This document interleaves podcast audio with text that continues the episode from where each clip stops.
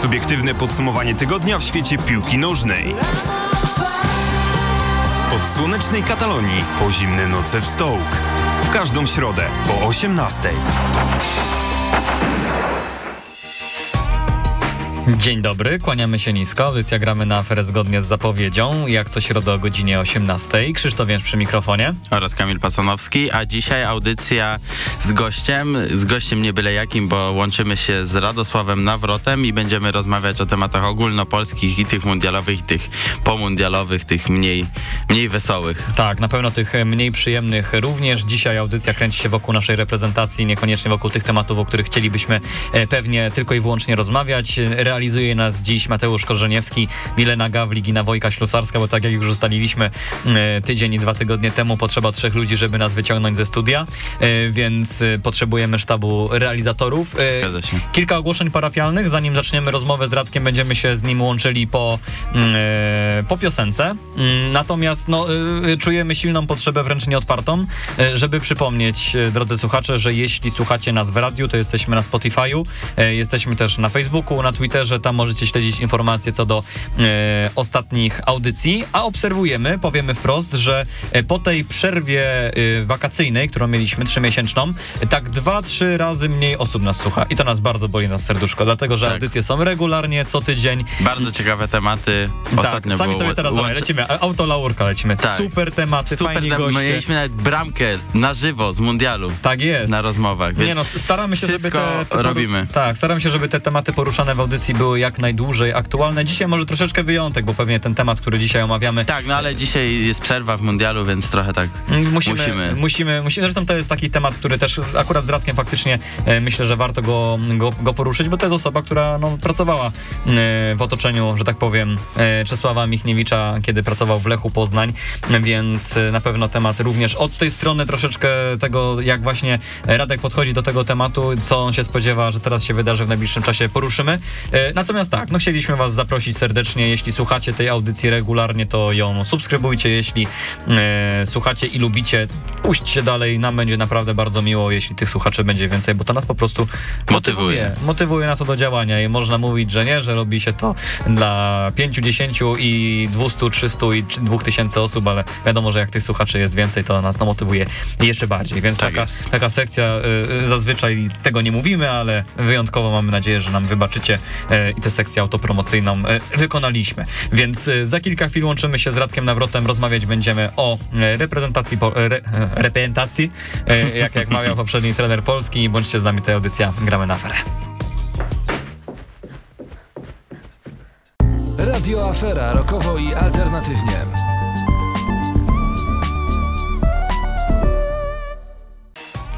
Dzień dobry, witamy się raz jeszcze bardzo serdecznie. Audycja Gramy na Aferę. Z nami jest już na antenie Radosław Nawrot. Halo Radku, czy się słyszymy? Tak, słyszymy się, bardzo mi miło, dobry wieczór. Mam nadzieję, że nie wystraszyłeś się piosenki, która właśnie leciała chwilę temu na naszej antenie i nie, nie jesteś spokojny, że to cały czas jest radio afera. Tutaj nasi realizatorzy jakieś psikusy nam, nam wykonują, ale, e, ale jesteś w aferze, Radku, więc, więc na spokojnie, jak gdybyś się zestresował.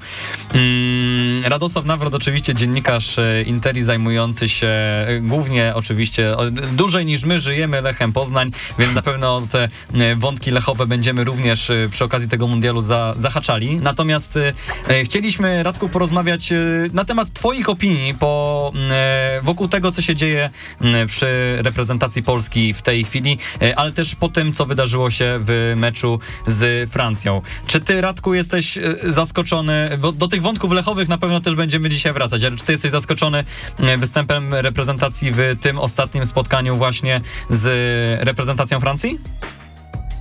No, najpierw chciałem was zapytać, czy Britney Spears też będziecie grać, ale... no myślę, że już nie będzie tego typu, tego typu wątków w naszej audycji dzisiaj, wiesz?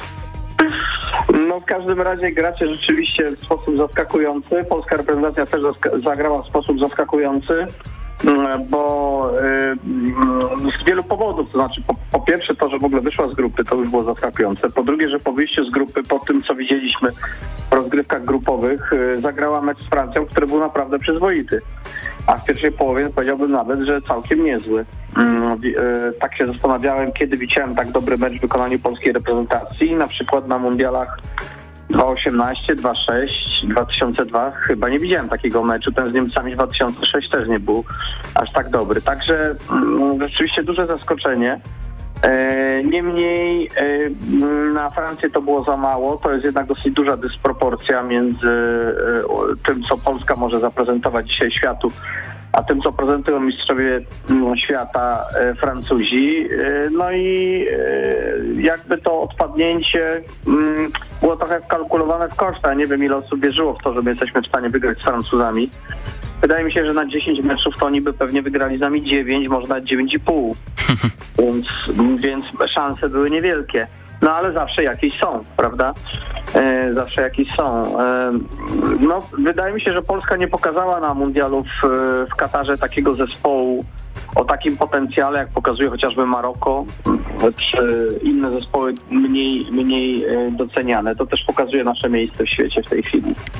Na pewno ten e, mecz z, z reprezentacją Francji, tak jak mówisz, troszeczkę wlał otuchy w nasze serca i zmienił retorykę troszeczkę wokół e, selekcjonera reprezentacji Polski e, Czesława Michniewicza. E, natomiast no już tak od dłuższego czasu obserwujemy taki nie najlepszy PR wokół polskiej piłki i zaczyna się wydawać, że to, co latami było budowane mozolnie w postaci no, takiego poprawienia właśnie wizerunku polskiej piłki, mm, stopniowo jest degradowane w ostatnim czasie.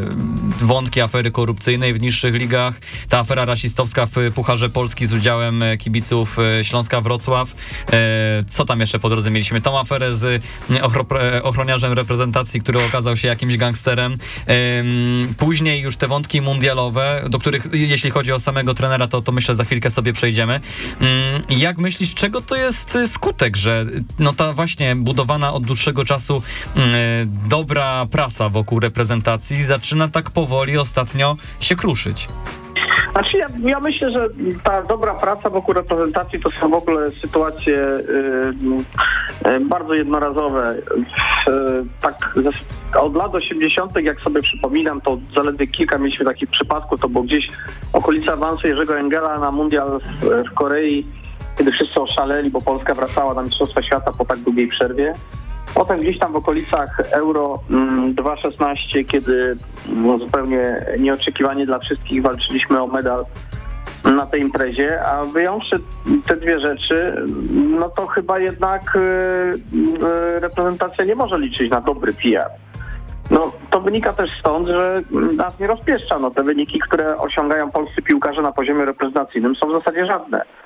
I w porównaniu z bardzo wieloma krajami świata czy Europy, no to tutaj powodów do zadowolenia jest naprawdę niewiele, więc żeby był dobry, dobrze budowany PR wokół reprezentacji, to musiały być dobre wyniki, a jeżeli tych dobrych wyników nie ma, jeżeli my na trzech kolejnych mundialach nie wychodzimy z grupy, dopiero teraz się to udaje, e, jeżeli zawalamy Euro 2.8, 2.12, no to już w ogóle był jakiś koszmar u siebie, w takiej grupie, jaką wtedy mieliśmy, jeżeli to wszystko się dzieje, mm, jeżeli na Euro 2020 mm, zeszłorocznym Polska nie wychodzi z grupy, no to z czego tu budować dobry PR? No, no nie da się tego, tego, tego zrobić. Znaczy polska piłka kojarzy się y, kibicom raczej z cierpieniem, udręką. E, I jeżeli kibicują e, czy reprezentacji, czy swoim klubom, to robią to mm, e, jakby e, od, e, do, dostarczając sobie dodatkowych trosk. No, ja, ja już abstrahuję od tego, że w ogóle kibicowanie jest chyba taką dziedziną życia, w której tych trosk jest więcej niż radości. One w ogóle przytłaczają mm, to, to niezadowolenie, przygnębienie, jakiś taki gniew nawet, e, absolutnie przytłaczają te momenty nieliczne sukcesów. To ty popełniłeś ten tekst w kontekście Lecha Poznań właśnie na ten temat, dobrze, dobrze pamiętam? Tak, no to jest No, no tak, tak. niekończącej się po prostu udręki, przeplatanej co jakiś czas sukcesem, który ma to, e, ma to osłodzić. Dla wielu kibiców rzeczywiście tak jest, że jeżeli ich ukochana drużyna raz na 20 lat coś wygra, to są zadowoleni. Mm, No, no my nie mamy komfortu, mówiąc krótko, e, w Polsce, e, jeżeli chodzi o, e, o kibicowanie. Ten komfort się skończył, mniej więcej w czasach, kiedy ja kiedy ja przestawałem być dzieckiem i od tej pory mm, wymaga to bardzo dużo mm, poświęcenia i takiego powiedziałbym zawzięcia, żeby, e, żeby nie, nie, nie opuszczać polskich klubów i polskiej reprezentacji nie zająć się czymś innym. Kiedyś, nie tak dawno robiłem rozmowę z Janem Dezewem, z Holendrem, który dosyć blisko jest związany z polskim futbolem i on mi coś takiego powiedział, co dało mi bardzo do myślenia. Mówi, słuchaj, no przecież Lech Poznań nie rywalizuje tak naprawdę z Legią Warszawa czy z Widzewem Łódź, a polska reprezentacja nie rywalizuje z reprezentacją Niemiec tam czy, czy jakąkolwiek inną. To są wszystko wydarzenia, które rywalizują z Netflixem, z komórką, z czasem spędzanym w jakikolwiek inny sposób w tej chwili przez ludzi. I jakby do tego się to, do tego się to, do tego się to sprowadza. To znaczy, e, jeżeli chodzi o kibiców polskiego futbolu w Polsce, to to są e, ludzie bardzo zdeterminowani. Mhm, idziemy, mhm. idziemy troszeczkę w dygresję, ale dobrze, pociągnijmy rzeczywiście ten wątek, bo e, on wiąże się z tym, bo mówimy o wynikach sportowych, które nie pomagają, jasne, natomiast mm, no też istotne jest to właśnie wokół piłki, co się po prostu dzieje, bo mówiłem o tych kilku aferach, które do tej pory wybuchały, o tym nie najlepszym pijarze, który od, czas, od jakiegoś czasu się, się buduje i myślę, że no to abstrahując od wyników sportowych też jest po prostu niepokojące, że mm, no, do takich rzeczy dopuszcza się na najwyższym szczeblu zarządzania w polskiej piłce, żeby do, wy, wy, zachodziły takie um, afery i osłabiały wizerunek e, po prostu tego sportu w Polsce. I myślę, że to jest szczególnie, szczególnie niepokojące, że nie mieliśmy od dłuższego czasu takiej sytuacji. Na no, myślę, że ty Radku też pamiętasz e, no, na pewno dużo lepiej niż my oczywiście. Takie sytuacje, które zachodziły w przeszłości, no nigdy nic dobrego z czegoś takiego po prostu nie wynikało. Polska piłka generalnie kojarzy się z wszystkim, co najgorsze, tak? Ze zwinilizną, tak mówiąc krótko. I to nie jest tak łatwo odkręcić. To są, e, to są pozostałości dawnych lat, lat, kiedy polski futbol był unurzany w, w, bardzo niskim poziomie sportowym i w korupcji. I to w ludziach zostało, to znaczy jakby takie myślenie ludzi o futbolu e, to jest myślenie właśnie tego typu. Aha, pieniądze, aha, afery, aha, e, komuś się tam znowu nie chciało.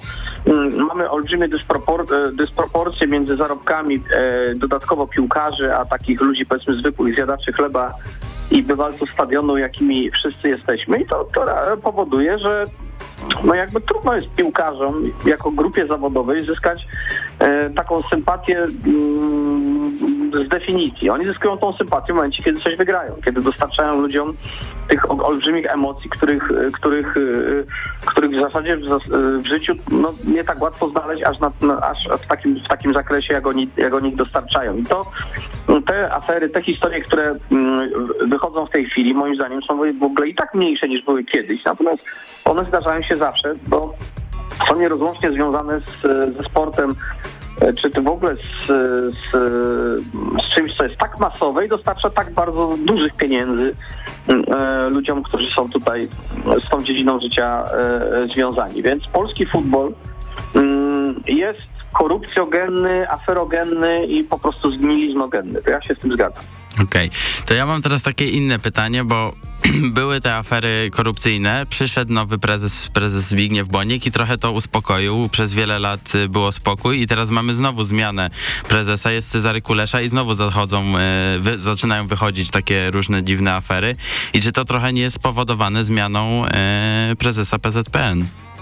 Znaczy ja bym tego nie wiązał z konkretnym prezesem PZP. Ja bym to wiązał z przepisami e, prawa. Też pamiętajcie o tym, że e, mm, kiedy weszły na, na początku XXI wieku przepisy pozwalające ścigać korupcję, no to ta korupcja ustała, bo przestała być bezkarna. Teraz się oczywiście pojawiają jakieś takie e, sytuacje, e, w których może dochodzić do tego rodzaju e, przypadków i, i, się tak do końca nie pozbędziemy, no bo po prostu każda działalność człowieka jest, jest obarczona takim marginesem jakiś tam, jakiś tam wpływu e, przestępców na to, co się dzieje, zwłaszcza, że wokół piłki są bardzo duże pieniądze, między innymi chociażby związane z przemysłem bukmacherskim, więc tutaj bardzo łatwo dokonywać różnego rodzaju operacji, nieuczciwych, które e, pozwolą zarobić bardzo duże pieniądze. No a skoro tak, to pokusa jest ogromna. Natomiast nie, nie sądzę, żeby to się wiązało z Bońkiem czy z Kuleszą, tylko raczej z tym, jakie jest prawo, jak ono jest e, w Polsce egzekwowane. Znaczy polski futbol już nie jest wyjęty spod prawa, tylko podlega przepisom prawa i można, można ścigać to, co się tam dzieje. Natomiast jeżeli chodzi o prezesa Kuleszę, no to on tutaj w zasadzie trochę w, trochę w takich, powiedziałbym, gumofilcach wkroczył do, do polskiego futbolu, bo, bo specjalnie go nie ucywilizował. Powiedziałbym, że wręcz,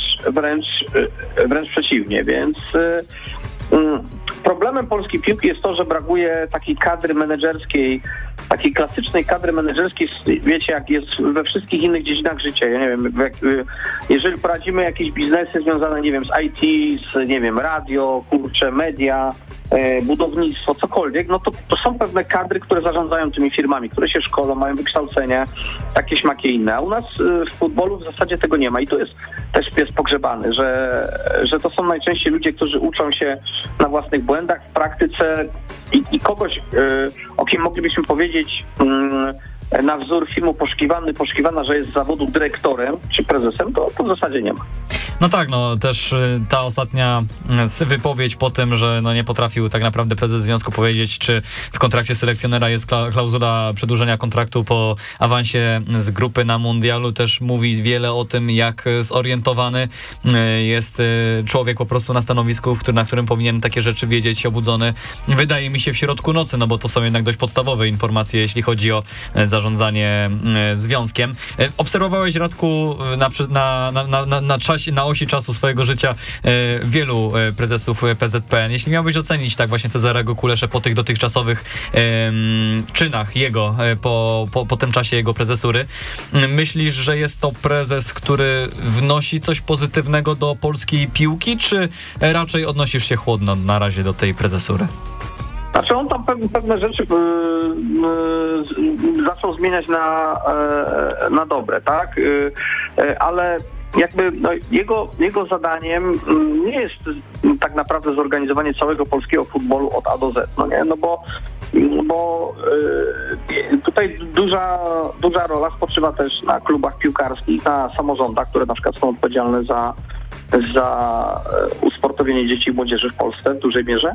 E, a nie tylko na, na, na PZPN. W zasadzie w, w gestii PZPN-u pozostaje reprezentacja Polski, kilka rozgrywek piłkarskich dużego szczebla i jakiś taki ogólny nadzór nad futbolem, mm, ale nie stworzenie piłki nożnej na nowo, tak? Jeżeli w, w Polsce y, ludzie nie będą zbyt y, chętnie garnęli się do sportu, znaczy dzieci i, i młodzież, no to, to z, z, tego nic nie będzie. To jest, to jest jasna sprawa, tak? Więc sam Cezary Kulesza, ja go nie, nie widzę w nim zbawiciela polskiego e, futbolu. E, natomiast e, on się trochę też zachowuje tak jak każdy z tych działaczy piłkarskich PZPN-u wcześniej, którzy do tej władzy się Mm, dorwali i specjalnej różnicy ja tutaj na, na lepsze nie widzę. Nie, nie ma optymizmu na razie w naszej dzisiejszej rozmowie, prawdę nie mówiąc. Ma, nie, ma. E, nie, nie, spodziewałem się nawet, że skręcimy w tych kierunkach, ale tak to zwykle jest, Radku, właśnie, że jak się z tobą łączymy, to, e, to ta dyskusja tak sobie meandruje pomiędzy różnymi tematami i, i nie wiem, jak nasi słuchacze, mam nadzieję, że również, ale ja to akurat bardzo lubię. Chciałem cię zapytać jako osobę, która, no jakby kontakt bezpośredni, już tak przechodząc do tych wątków e, selekcjonerskich bezpośrednio, jako osoba, która współpracowała z Czesławem Michniewiczem podczas chociażby jego właśnie kadencji w Lechu Poznań.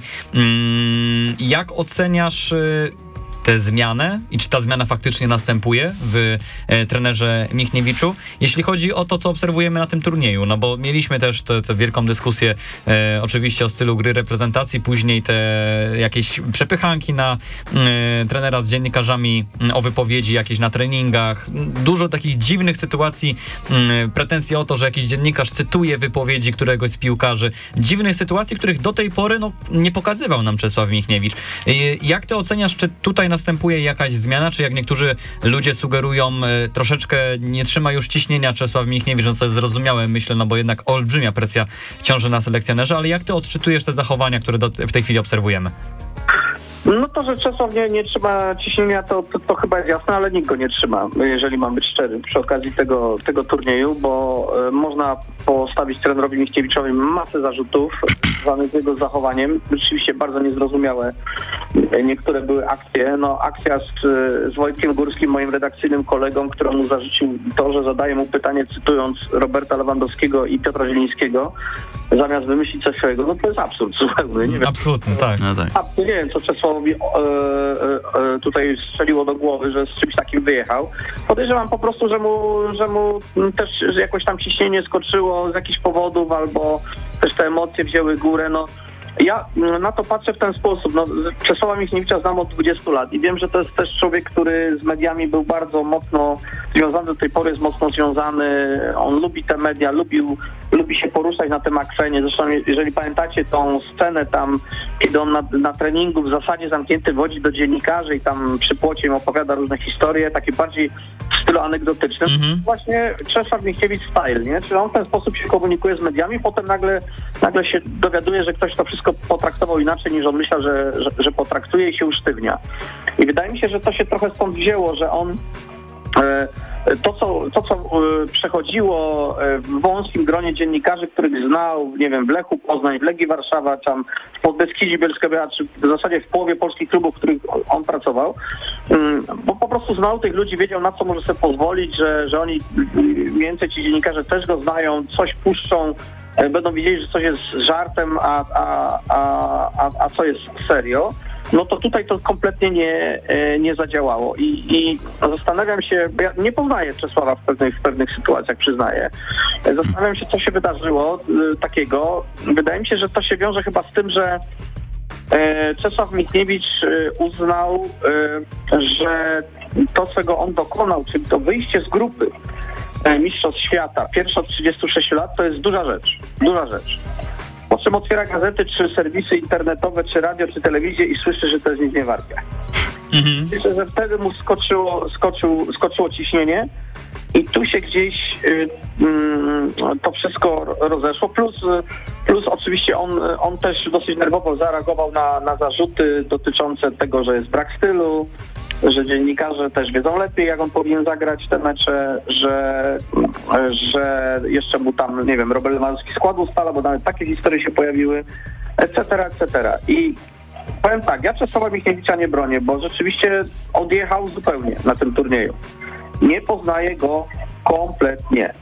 Ale e, przyznam, że to, co czasami odwalali dziennikarze na tych mistrzostwach, to też jest osobna historia. No tak. I, e, i, i czasami jak, jak czytałem niektóre teksty, to gdybym miał włosy, to naprawdę by mi stanęły na, na bo, bo to były tak podkręcane i tak absurdalne historie, że, że głowa mała. Ja jestem, my nie jesteśmy żadnym wyjątkiem e, w tej materii.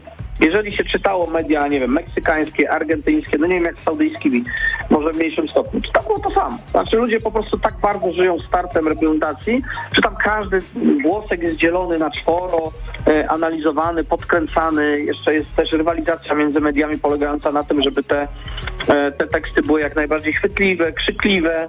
W związku z czym w zasadzie obsługa medialna Mistrzostw Świata i Mundialu polega na przekrzykiwaniu się przy pomocy wykrzykników i tego, co się wyciągnie, łapaniem za słówka, etc. I tego, sytuacje, tego typu sytuacje mieliśmy e, tutaj. Czyli reasumując, Czesław Michniewicz e, mm, nie wiem, co mu strzeliło do głowy i dlaczego tak bardzo, znaczy domyślam się, dlaczego tak bardzo e, popłynął na tych mistrzostwach świata, e, ale e, ładnych parę kamieni do, do, do ogródka dziennikarzy też muszę wrzucić.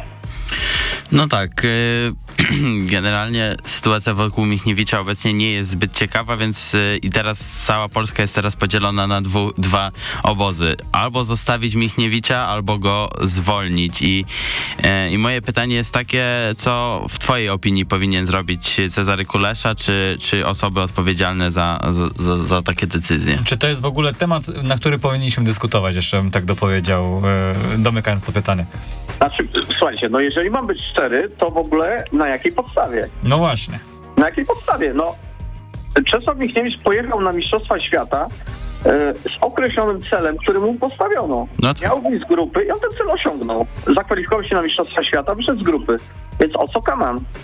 Mhm. Czyli się, ja się zgadzam z tą, z tą opinią, No, ale... Mamy ten problem, że mamy wszyscy tę samą opinię w takim razie, jak, jak siedzimy w studiu i, i, ty Radku u siebie, e, bo, bo no, też, też tak z takiego założenia wychodzimy, natomiast no, ta dyskusja między, międzynarodowa, ogólnonarodowa dyskusja, e, no na pewno szybko nie ucichnie i ja się miałbym się postawić w roli adwokata e, opinii, której nie jestem, no to jednak faktycznie ten styl no, był taki, że pozostawiał wiele do życzenia i czy powinniśmy utrzymywać na stanowisku trenera, y, który będzie proponował być może podobny styl y, również w przyszłości.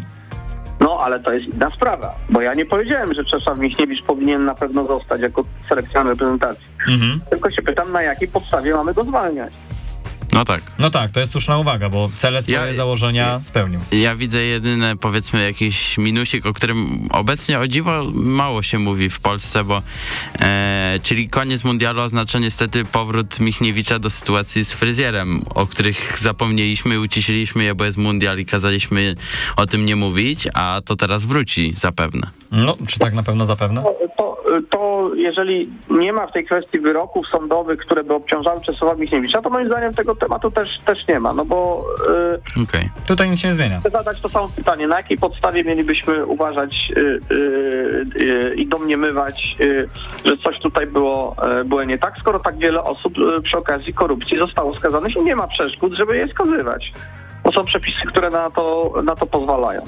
E, natomiast to jest tak naprawdę pytanie, czy w sytuacji, w której, mm, w której e, e, Robert Lewandowski ma 34 lata i i jeżeli w ogóle zagra na, e, na kolejnym mundialu, to na tym mundialu w, w Ameryce Północnej będzie miał tych lat 38. E, kończy się powoli kariera e, największego polskiego piłkarza prawdopodobnie wszechczasów. Mm, I pytanie brzmi, czy na koniec jego kariery my jesteśmy w stanie jeszcze wycisnąć coś więcej z tej reprezentacji niż to, co wyciskamy. No właśnie, on sam Lewandowski mówił, że nawet w niedalekiej przyszłości kluczową rolę będzie miało to, jaki styl będziemy prezentować, bo dla niego będzie najważniejsza ta radość z gry, a jednak grając w defensywie tego nie ma. Także myślę, że możemy się nawet zastanawiać, czy już jeszcze na Euro zobaczymy Roberta. Może. Bo to z tych słów ja bym wyczytał, że No Ale też co ta wypowiedź ma na celu tak naprawdę? To też jest dodatkowa rzecz. To jest wypowiedź, która padła na gorąco po, po meczu, czy jest to wypowiedź, która w jakimś stopniu właśnie mm, no troszeczkę nakręca te dyskusje, które... które, przypomnijmy y, po meczu, w którym powstają. graliśmy ofensywnie. też. Tak, ale też właśnie nakręca tę dyskusję, która, no, która mm, trwa cały czas, czy Michniewicz powinien zostać selekcjonerem, bo mm, tak jak jesteśmy zgodni co do tego, że spełni swoje cele, ja też nie widzę powodu, dla którego mielibyśmy zwalniać trenera, który mm, wywiązał się ze swoich zadań, z jakiej racji miałyby zostać zwolniony. Natomiast tego typu wypowiedzi na pewno no, podsycają taką dyskusję i podstawiają poważne znaki zapytania e, osób, dla których e, no, takie wypowiedzi są po prostu jakimś głosem z wewnątrz, e, sygnalizującym to, że coś złego dzieje się w kadrze. No tak, ale my budujemy tutaj y, jakby swoje przekonania związane z tą sprawą na podstawie kilku wypowiedzi, które padły na gorąco po meczu. Mhm. E, Nie wiem, czy to jest na pewno takie dobre tworzywo, e, żeby coś, y, coś y, myśleć na ten temat na pewno. E, Jeszcze na chłodno się nie wypowiedział Czesław Michniewicz, nie wypowiedział się Robert Lewandowski. E, Oni dopiero co przylecieli do kraju. Wydaje mi się, że po ochłonięciu, po tym co się stało, oni będą podejmowali określone e, decyzje. Robert Lewandowski również będzie podejmował określone decyzje związane z tym, czy on chce grać dalej w reprezentacji, czy, czy nie. Zresztą też w przypadku tego typu gwiazd tego formatu e, to, to wygląda w ten sposób, że przecież no, Lionel Messi już, już raz kończył karierę reprezentacyjną. No tak. Dwa razy przegrał finały Copa America z Chile, po czym wrócił Mhm. prawda? Więc y, oczywistą sprawą jest, że Robert Lewandowski jest niezbędny dla Polski, bo my nie mamy takich piłkarzy zbyt wielu. My nie możemy sobie zrobić, pozwolić sobie na taką sytuację, na jaką po, pozwoli sobie Fernando Santos, że sadza Cristiano Ronaldo na, na ławce i, i już. I sobie A napastnik to za niego wchodzi, strzela trzy bramki i asystuje. Portugalia i tak gra, nawet gra lepiej i w ogóle damy sobie radę bez siebie. No Polska nie da sobie rady bez Roberta Lewandowskiego. Kiedy on zakończy karierę, no to wrócimy do, do epoki kamienia upanego. No i trzeba będzie znowu jakby budować coś e, e, e, od zera. E, więc trzeba się liczyć z jego zdaniem. Natomiast ja uważam, że on jeszcze tego zdania nie wypowiedział. Mało tego, nawet w Katarze, to co ja usłyszałem od niego, to ja usłyszałem tylko tyle, że on miałby większą radość z gry, gdybyśmy grali bardziej ofensywnie i tyle. Mhm. Ani w tym nie było stwierdzenia, że, że on dalej nie chce grać, ani w tym nie było stwierdzenia, że, że, Michnie, że Michniewicz mu nie pasuje, ani, ani czegoś takiego jak ultimatum, bo nawet to wy- wyczytałem, że to jest ultimatum Lewandowskiego. Ja tam takiego czegoś nie słyszałem. Ja słyszałem tylko tyle, że on po prostu powiedział, że, że miałby większą radość z gry bardziej ofensywnej. To jest dosyć mało kontrowersyjną tezą, no każdy by miał. No, czyli troszeczkę tak wracamy do punktu wyjścia tego, co mówiłeś dosłownie chwilkę temu, że e, nakręcana jest jakaś kolejna afera, kolejne e, nieporozumienie, które jest rozdmuchiwane tak naprawdę do jakichś wielkich rozmiarów, a jest to jednak, m, pamiętajmy, wypowiedź e, pomeczowa i każde zdanie wypowiedziane w kontekście reprezentacji nabiera e, dużo większego znaczenia tak naprawdę w ostatnim czasie niż, niż być może mieć, mieć powinno. Radku, krótka przerwa na wodę proponuję i, i wrócimy jeszcze na antenę, żeby porozmawiać. No, musimy cię pociągnąć e, za język na tematy lechowe. E, Jak oceniasz e, chociażby występ piłkarzy Lecha na, na tym turnieju, bo albo byłych piłkarzy, piłkarzy Lecha, wychowanków tego, tego klubu, bo tutaj akurat takich kilka punktów, że lekko się człowiek uśmiechnie, chociaż będziemy, będziemy myślę mieli, więc, więc proponuję krótką trzyminutową przerwę i, i wracamy na antenę z audycją Gramy na aferę, bądźcie z nami tutaj cały czas do godziny 19 Radio Afera. Radio Afera. Rokowo i alternatywnie.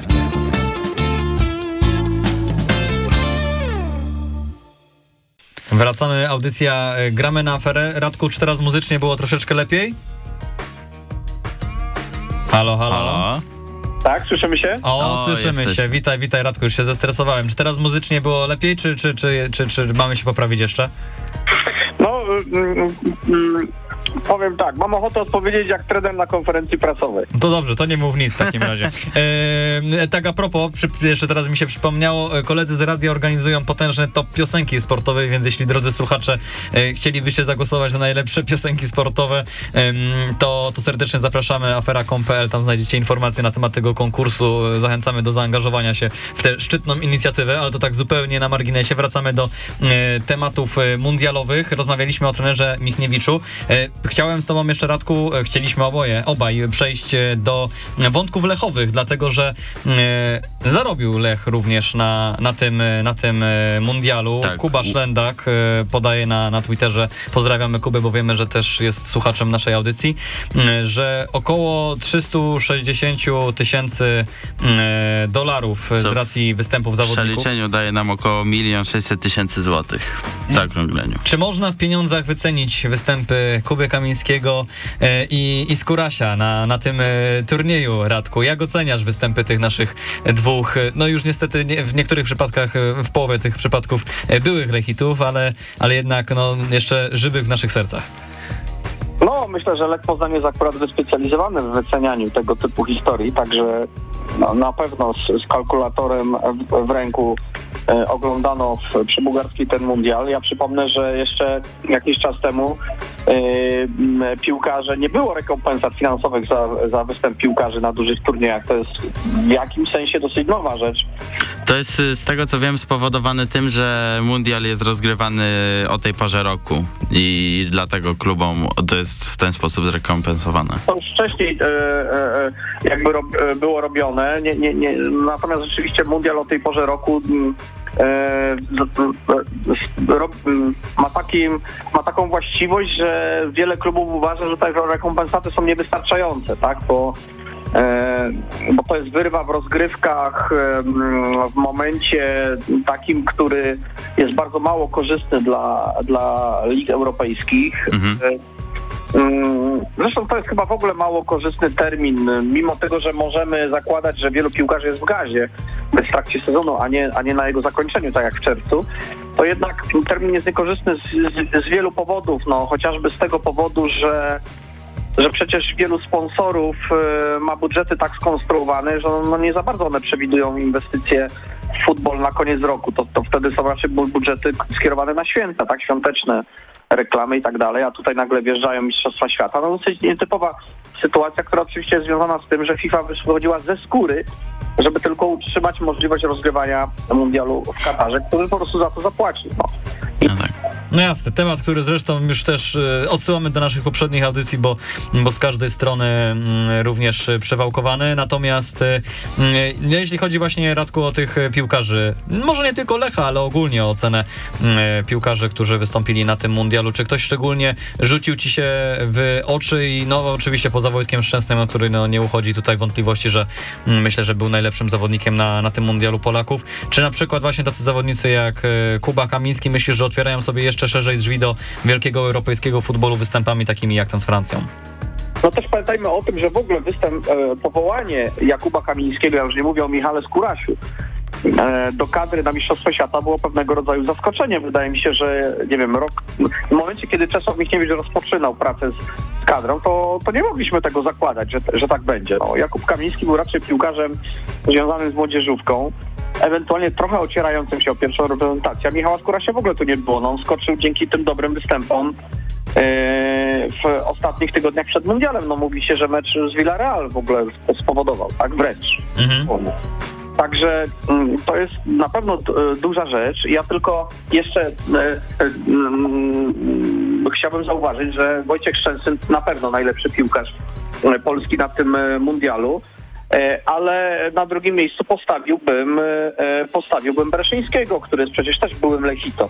On odszedł co prawda z Lecha w takich okolicznościach dosyć kontrowersyjnych, ale to jest były Lechita.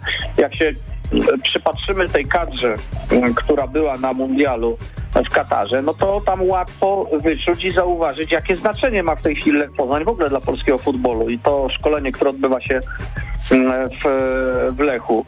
Yy, ilu piłkarzy przechodzi w jakimś mm, krótszym czy dłuższym yy, yy, odcinku czasu przez, przez Lecha i przez, przez ręce tutaj, te, tutejszych akademii. Więc No tak, dokładnie sześciu. Tu mamy Lewandowskiego, Bereszyńskiego, e, Kamińskiego, Skórasia oraz e, Gumnego. I Bednarka. I Bednarka, przepraszam.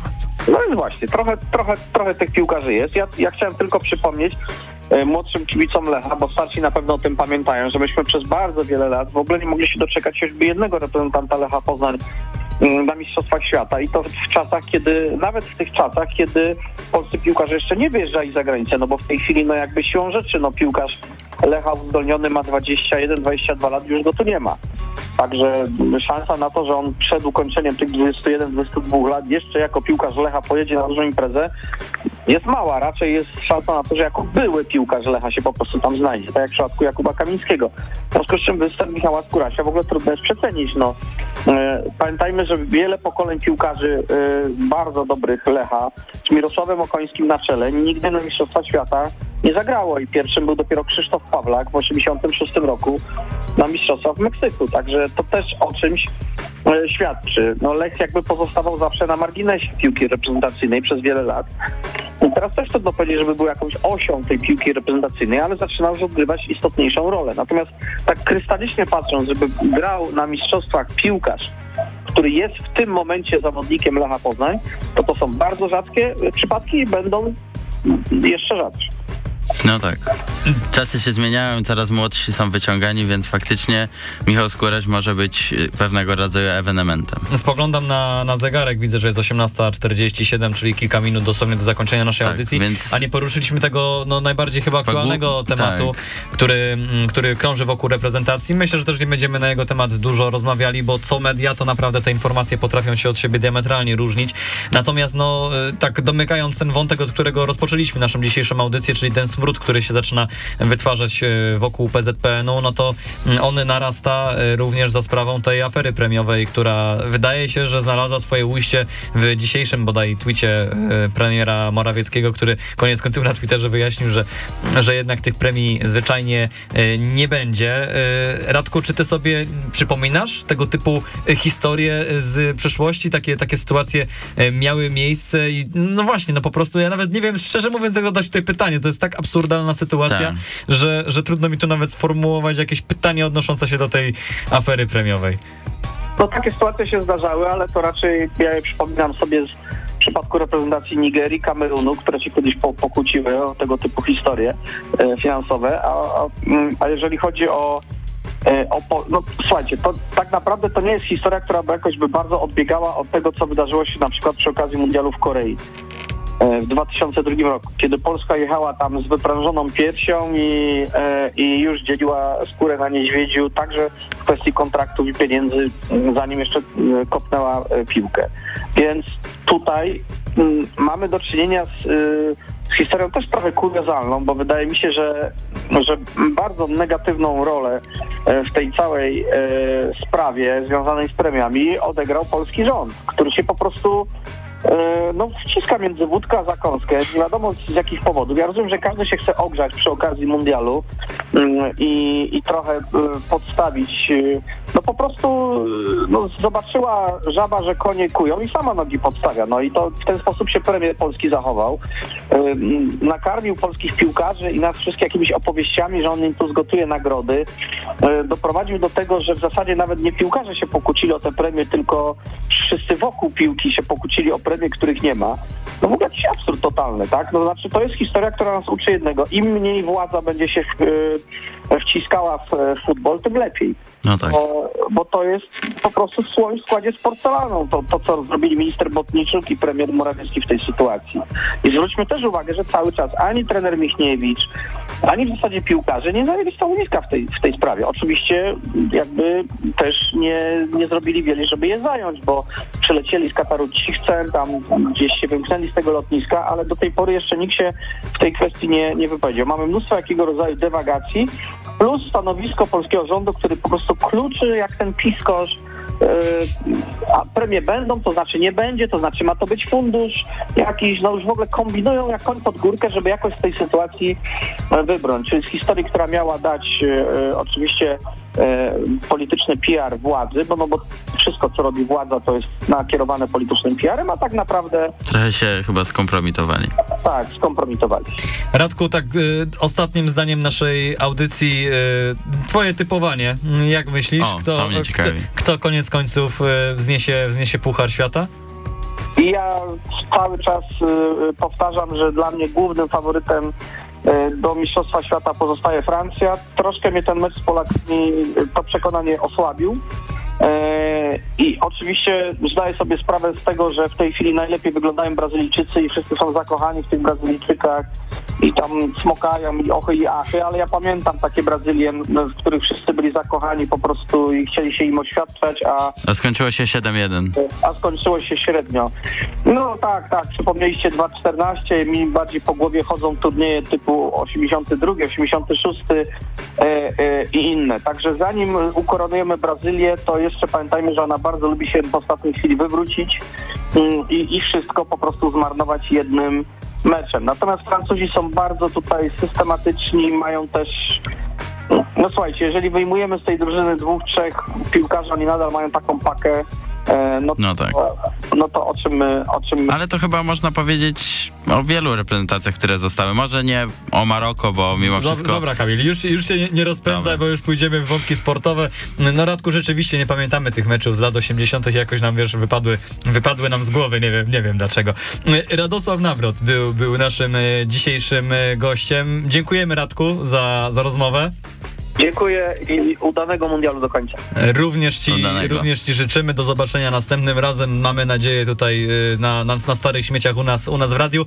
E, Kończymy naszą e, dzisiejszą Tak. audycję. I chyba jeszcze warto wspomnieć o naszych socjalach. Ale dobrze pamiętał, brawo, Tak, brawo. o, że możecie słuchać nas na Spotify, może znajdziecie nas na Instagramie, na Facebooku, na Twitterze, gdziekolwiek chcecie. W radiu zawsze w środę o 18, a na O, no i to Spotify'u najważniejsze. w czwartki, w czwartki od rana. Dziękujemy za dziś i do usłyszenia za tydzień. Cześć. Cześć.